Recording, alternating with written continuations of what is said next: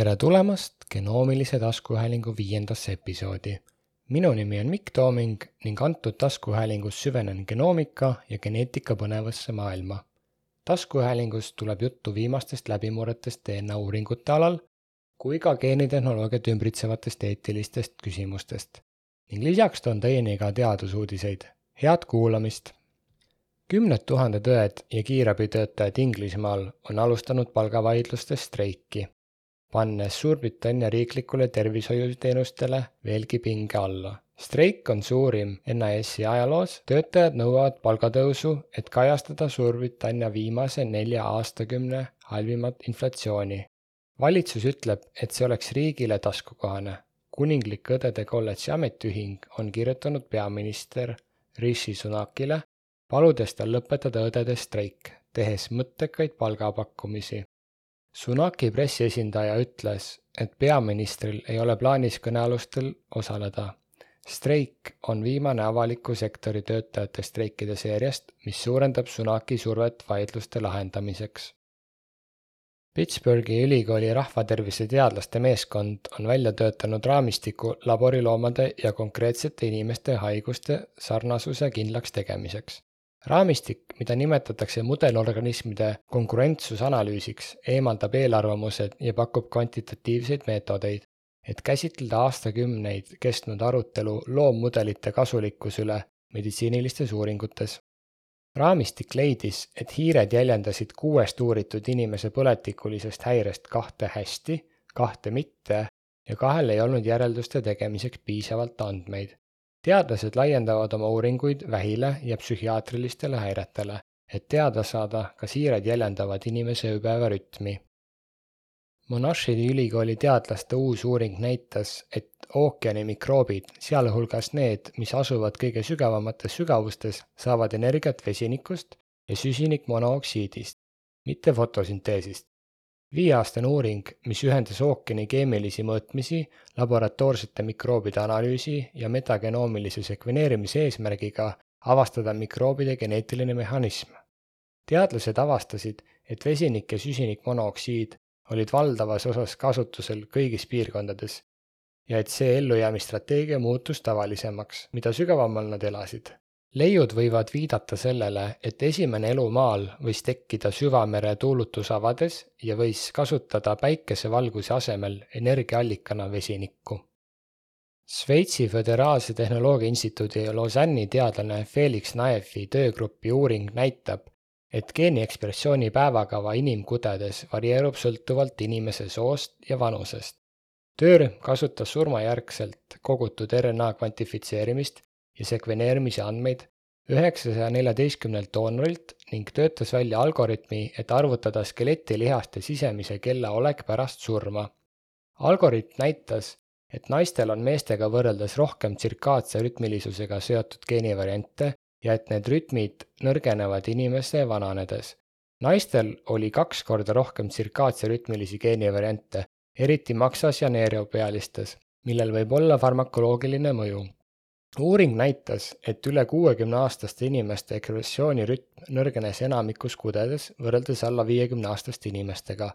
algoritm on avalikult kättesaadav ja võib aidata valdkonnas mõista ööpäevase kella inimese haigusseisundite vahelist seost. UT Southwesterni meditsiinikeskuse teadlased avastasid rakkude jaoks uue meetodi geenide sisse- ja väljalülitamiseks. Nad leidsid, et teatud sisemiselt korrastamata piirkondadega valgud moodustavad kondensaate ja jagavad selektiivselt geeniregulatsioonis osalevaid spetsiifilisi valke. tulemused võivad viia uute geeniregulatsiooni ja haiguste ravi kontrollimise viisideni. uurijad keskendusid rinnavähiga seotud valgule MED1 ja leidsid, et see moodustab kondensaate transkriptsiooni positiivsete regulaatoritega, jättes välja negatiivsed regulaatorid. teadlased usuvad, et erinevate IDR-ide interaktsioonide mõistmine ja muutmine kondensaatides võib viia uute haiguste ravimiseni. seitsmendal veebruaril toimus tiimingu projekti infotund. tiim Permed konsortsium pälvis hiljuti kolmkümmend miljoni euro suuruse toetuse, et luua jätkusuutlik personaalmeditsiini uurimis- ja kompetentsikeskus. konsortsiumisse kuuluvad partnerid Tartu Ülikooli genoomika, arvutiteaduse, peremeditsiini ja rahvatervishoiu kliinilise meditsiini, bio- ja siirdemeditsiini, Johannes Kütte poliitikauuringute instituutidest, Tartu Ülikooli Kliinikumist ning välispartnerina Helsingi Ülikooli ja Erasmuse Rotterdami Ülikooli meditsiinikeskus.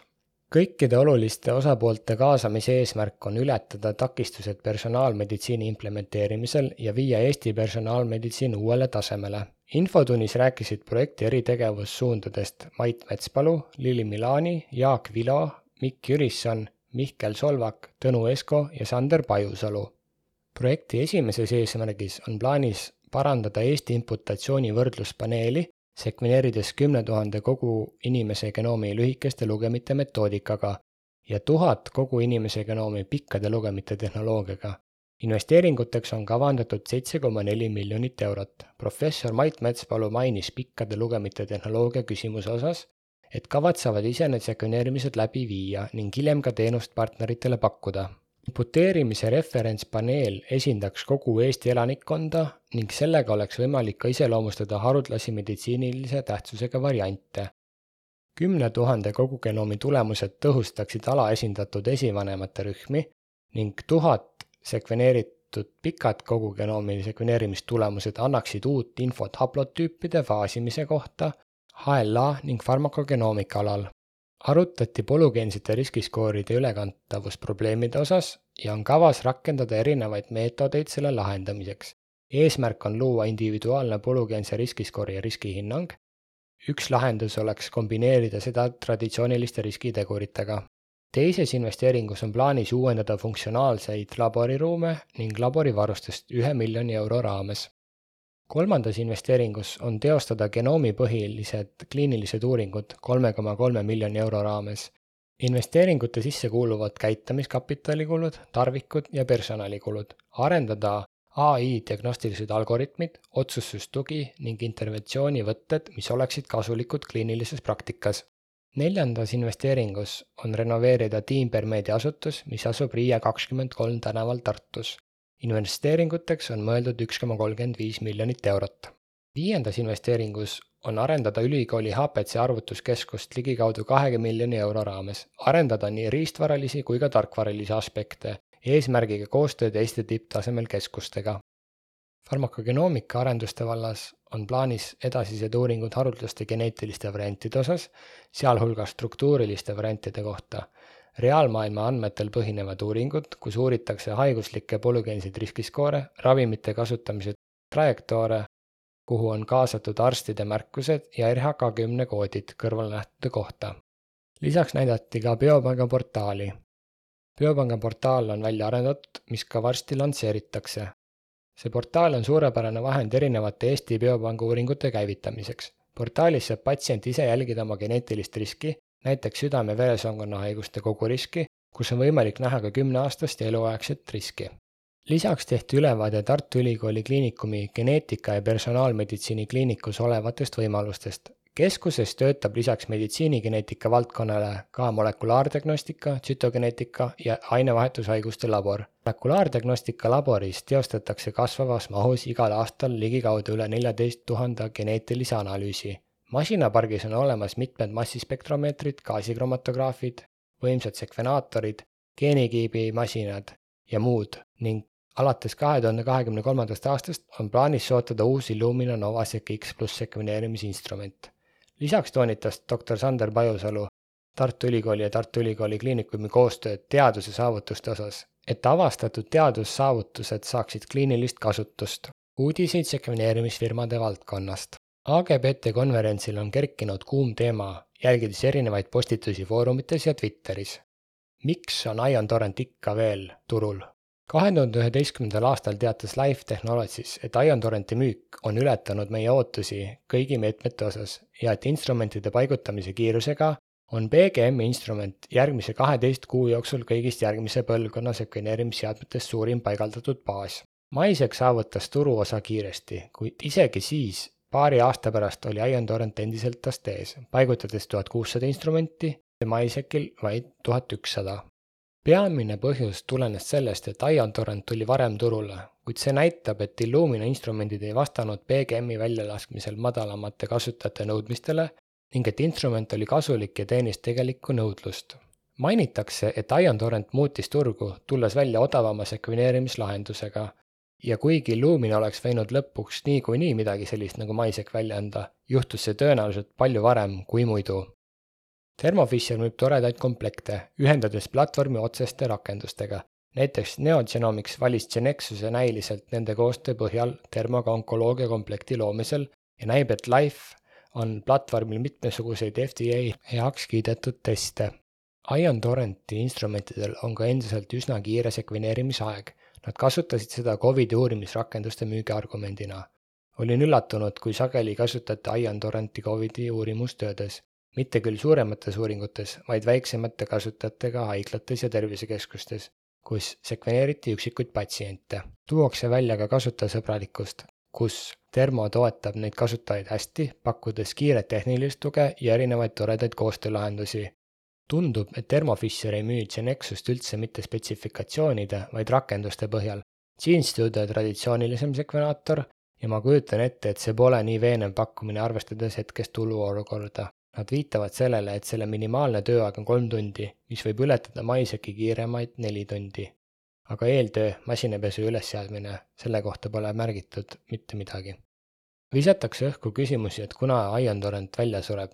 Oletatakse, et ilmselt järgmise viie aasta jooksul käivad jutud, et Thermo omandab ühe tulevastest järgmise põlvkonna Illumina laadsetest platvormidest, ettevalmistus on üldiselt lihtsam, andmete kvaliteet parem ja kauba maksumus madalam. tõenäoliselt saavad nad selle suhteliselt odavalt kätte, kuna konkurents vähendab marginaale MGI tütarettevõte Complete Genomics on AGBT üldkoosolekul tutvustanud uusi geneetilisi järjestamise tooteid ja hindu.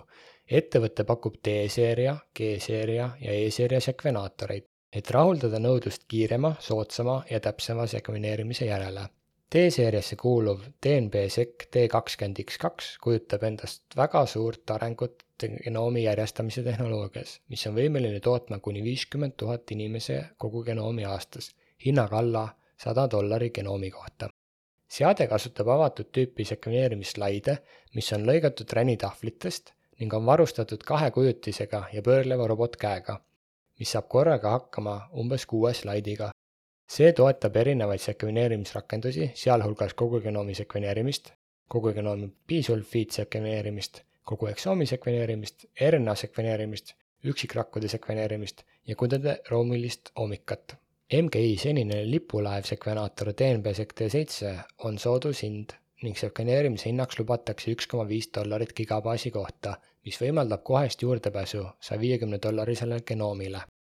DNB-sek G üheksakümmend üheksa on G-seeria uusim mudel, mis on ülikiire ja väike sekvenaator, mille läbilaskevõime on kaheksa kuni nelikümmend kaheksa gigabaasi sekveneerimise kohta ja paired end sekveneerimise aeg saja viiekümne riidi juures jääb alla kaheteist tunni.